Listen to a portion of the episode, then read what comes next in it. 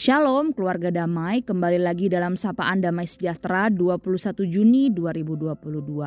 Sebelum kita merenungkan firman Tuhan, mari kita mempersiapkan hati untuk mendengarkan firman Tuhan, sambil sebuah pujian akan menuntun kita untuk merenungkan firman Tuhan.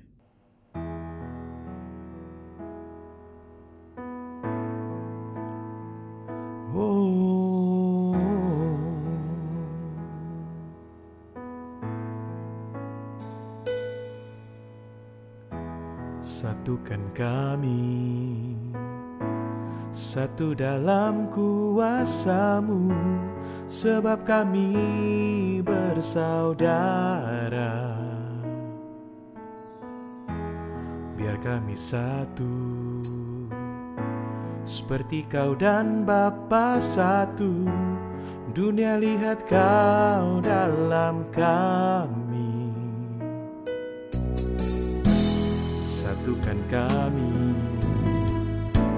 Satu dalam kuasamu Sebab kami bersaudara. Biar kami satu Seperti kau dan Bapa satu. Dunia lihat kau dalam kami. Jadikan kami sehati sepikir. Biar kendakmu jadi Untuk menyatakan rahmatmu Jadikan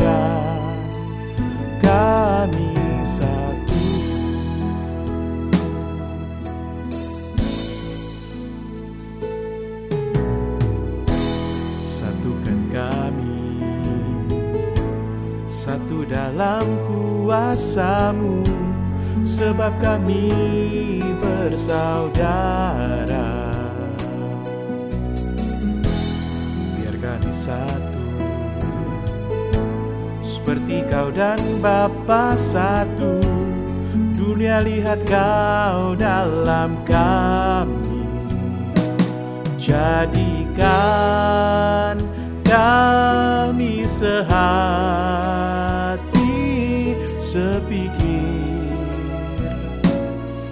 Biar kendakmu jadi Untuk menyatakan rahmatmu. Jadikan kami satu.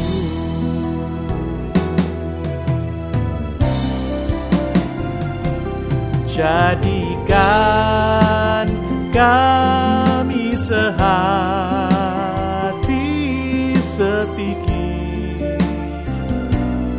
Biar kendakmu jadi Untuk menyatakan rahmatmu. Jadikan kami satu. Jadikan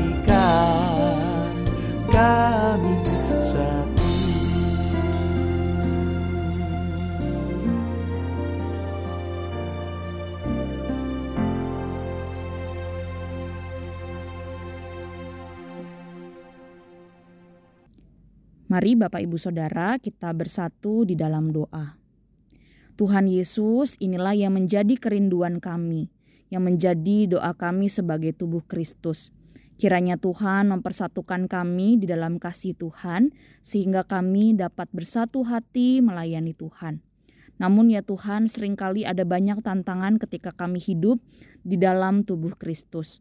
Oleh sebab itu ya Tuhan, kami perlu terang kebenaran firman Tuhan untuk menuntun kami dapat hidup bersatu di dalam kasih-Mu. Biarlah firman Tuhan mengingatkan, menegur, dan memampukan kami untuk melakukannya. Terima kasih Tuhan Yesus, di dalam nama Tuhan Yesus kami berdoa dan mengucap syukur. Amin. Keluarga damai, tema perenungan kita pada hari ini adalah dipersatukan dalam Kristus. Dan firman Tuhan yang akan kita renungkan terambil dalam Efesus pasal yang kedua ayat yang ke-11 hingga ayatnya yang ke-22. Efesus 2 ayat yang ke-11 hingga ayat yang ke-22, demikian bunyi firman Tuhan. Dipersatukan di dalam Kristus. Karena itu ingatlah bahwa dahulu kamu sebagai orang-orang bukan Yahudi menurut daging yang disebut orang-orang tak bersunat oleh mereka yang menamakan dirinya sunat, yaitu sunat lahiriah yang dikerjakan oleh tangan manusia, bahwa waktu itu kamu tanpa Kristus tidak termasuk kewargaan Israel dan tidak mendapat bagian dalam ketentuan-ketentuan yang dijanjikan, tanpa pengharapan dan tanpa Allah di dalam dunia. Tetapi sekarang, di dalam Kristus Yesus, kamu yang dahulu jauh sudah menjadi dekat oleh darah Kristus. Karena dialah damai sejahtera kita yang telah mempersatukan kedua pihak dan yang telah merubuhkan tembok pemisah yaitu perseteruan. Sebab dengan matinya sebagai manusia ia telah membatalkan hukum Taurat dengan segala perintah dan ketentuannya untuk menciptakan keduanya menjadi satu manusia baru di dalam dirinya dan dengan itu mengadakan damai sejahtera. Dan untuk memperdamaikan keduanya di dalam satu tubuh dengan Allah oleh salib dengan melenyapkan perseteruan pada salib itu ia datang dan memberitakan damai sejahtera kepada kamu yang jauh dan damai sejahtera kepada mereka yang dekat. Karena oleh dia kita kedua pihak dalam satu roh beroleh jalan masuk kepada Bapa. Demikianlah kamu bukan lagi orang asing dan pendatang, melainkan kawan sewarga dari orang-orang kudus dan anggota-anggota keluarga Allah yang dibangun di atas dasar para rasul dan para nabi, dengan Kristus Yesus sebagai batu penjuru di dalam dia tumbuh seluruh bangunan, rapi tersusun, menjadi bait Allah yang kudus di dalam Tuhan. Di dalam dia kamu juga turut dibangunkan menjadi tempat kediaman Allah di dalam roh. Sedemikian jauh pembacaan firman Tuhan kita pada hari ini. Bapak Ibu Saudara, masa lalu yang manis dan indah kalau kita ingat-ingat akan menyenangkan hati kita. Tetapi sebaliknya jika ada masa lalu yang gelap dan kelam, kalau kita ingat-ingat pasti akan membuat kita sedih hati. Bapak Ibu Saudara pada bagian ini, mengapa Paulus mengingatkan masa lalu jemaat Efesus? Bapak Ibu Saudara kalau dilihat-lihat, dengan mengingat masa lalu mereka akan semakin menyadari perubahan yang telah Allah kerjakan. Kesadaran ini akan membuka mata rohani betapa ajaibnya anugerah Tuhan. Bagaimana keadaan jemaat Efesus sebelum menerima Kristus? Dalam ayat 11 dan 12 terungkap lima bentuk, yaitu jemaat Efesus dahulu hidup tanpa Kristus. Jika jemaat Efesus hidup tanpa Kristus, maka semua berkat-berkat dan pekerjaan Allah melalui Kristus tidak dapat mereka dalami. Mereka tidak dapat mengenal Kristus dan tidak mendapatkan keselamatan di dalam Kristus. Yang kedua, jemaat Efesus dahulu tanpa kewarganegaraan. Mereka dikatakan tidak termasuk warga negara Israel. Apa maksudnya?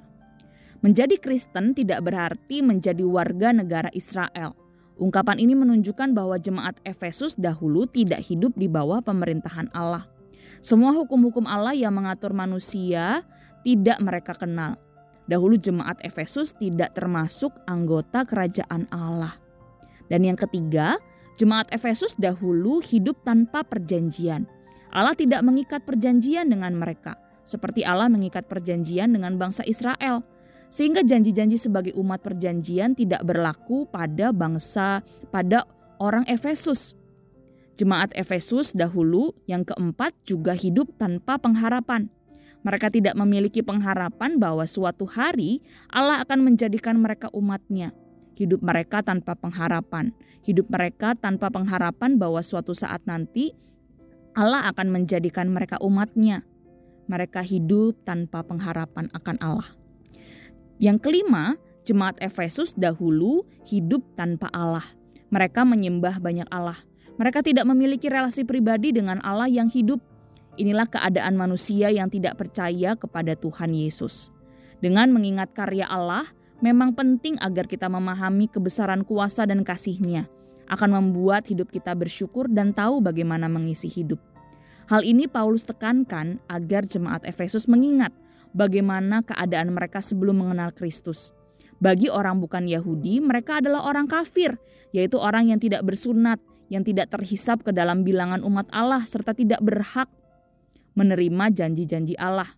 Mereka terpisah dari Kristus dan tidak punya pengharapan. Namun justru kondisi mereka berbalik 180 derajat saat mereka percaya dan berada di dalam Kristus. Darah Yesus yang dicurahkan di kayu salib telah menghancurkan tembok pemisah antara mereka dengan Allah. Begitu pula tembok pemisah di antara mereka dan bangsa pilihan Allah. Orang kemudian dat dapat datang langsung kepada Allah tanpa membutuhkan lagi seorang perantara seperti sebelum-sebelumnya. Orang Yahudi dan orang non-Yahudi pun dapat status yang sama, yaitu sebagai anggota keluarga Allah. Tidak ada lagi yang membeda-bedakan. Setiap orang seharusnya berkesempatan untuk menjadi keluarga Allah.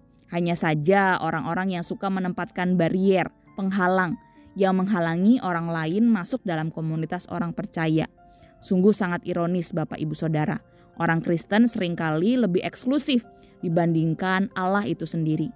Padahal di dalam Kristus seharusnya tidak ada lagi diskriminasi karena Kristus telah menjadi kunci bagi rekonsiliasi antara manusia dengan Allah dan dengan sesama sehingga semua orang yang percaya punya status yang sama, derajat yang sama di hadapan Tuhan, yaitu sebagai warga kerajaan Allah. Dan semuanya tersusun menjadi bait kudus, yaitu bait Allah, tempat Allah berdiam. Bapak Ibu Saudara, begitulah seharusnya gereja. Satuannya lahir bukan karena organisasi, bukan karena liturgi, melainkan karena iman kita kepada Tuhan Yesus sebagai batu penjuru gereja Gereja bukanlah menonjolkan kelebihan doktrin yang dianut, tetapi untuk menjadi tempat Allah berdiam, serta persekutuan bagi semua orang yang beriman kepada Tuhan dapat bersekutu. Tapi Bapak Ibu Saudara, sudahkah gereja kita tempat kita menjadi anggota tubuh Kristus menjalankan bagiannya? Atau justru gereja sering kali menjadi tempat perselisihan, perseteruan, dan tidak ada damai sejahtera di antara setiap anggota tubuh Kristus. Bagaimana mungkin Kristus dapat memberkati gerejanya jika tidak terdapat kasih yang sejati dan penuh dengan kasih yang palsu? Mari Bapak Ibu Saudara kita merenungkan firman Tuhan ini. Sudahkah kehadiran kita di gereja membawa damai sejahtera Allah atau justru membawa perseteruan? Mari kita mohon Roh Kudus menuntun kita hadir di tengah-tengah gereja kita agar kasih dan damai sejahtera dari Tuhan mengalir dan memulihkan komunitas kita sehingga tubuh Kristus dapat menjadi satu dan menjadi tempat Allah berdiam di dalam roh. Mari Bapak Ibu Saudara, kita mengambil waktu kita berdoa. Tuhan Yesus terima kasih untuk anugerah Tuhan yang juga kami rasakan, yang kami terima di dalam Yesus Kristus. Kami yang dahulu jauh dari Tuhan, yang dahulu menjadi musuh Tuhan, kini menerima kasih dan pengampunan menjadi anak-anak Tuhan. Siapakah kami Tuhan kalau kami saat ini sebagai tubuh Kristus justru menjadi batu sandungan bagi saudara seiman kami? Ampuni kami ya Tuhan. Kami rindu Tuhan Yesus Kristus sang batu penjunan itu menjadi dasar yang kokoh dan kuat agar kami dapat bertumbuh sebagai kesatuan tubuh Kristus dan memuliakan namamu.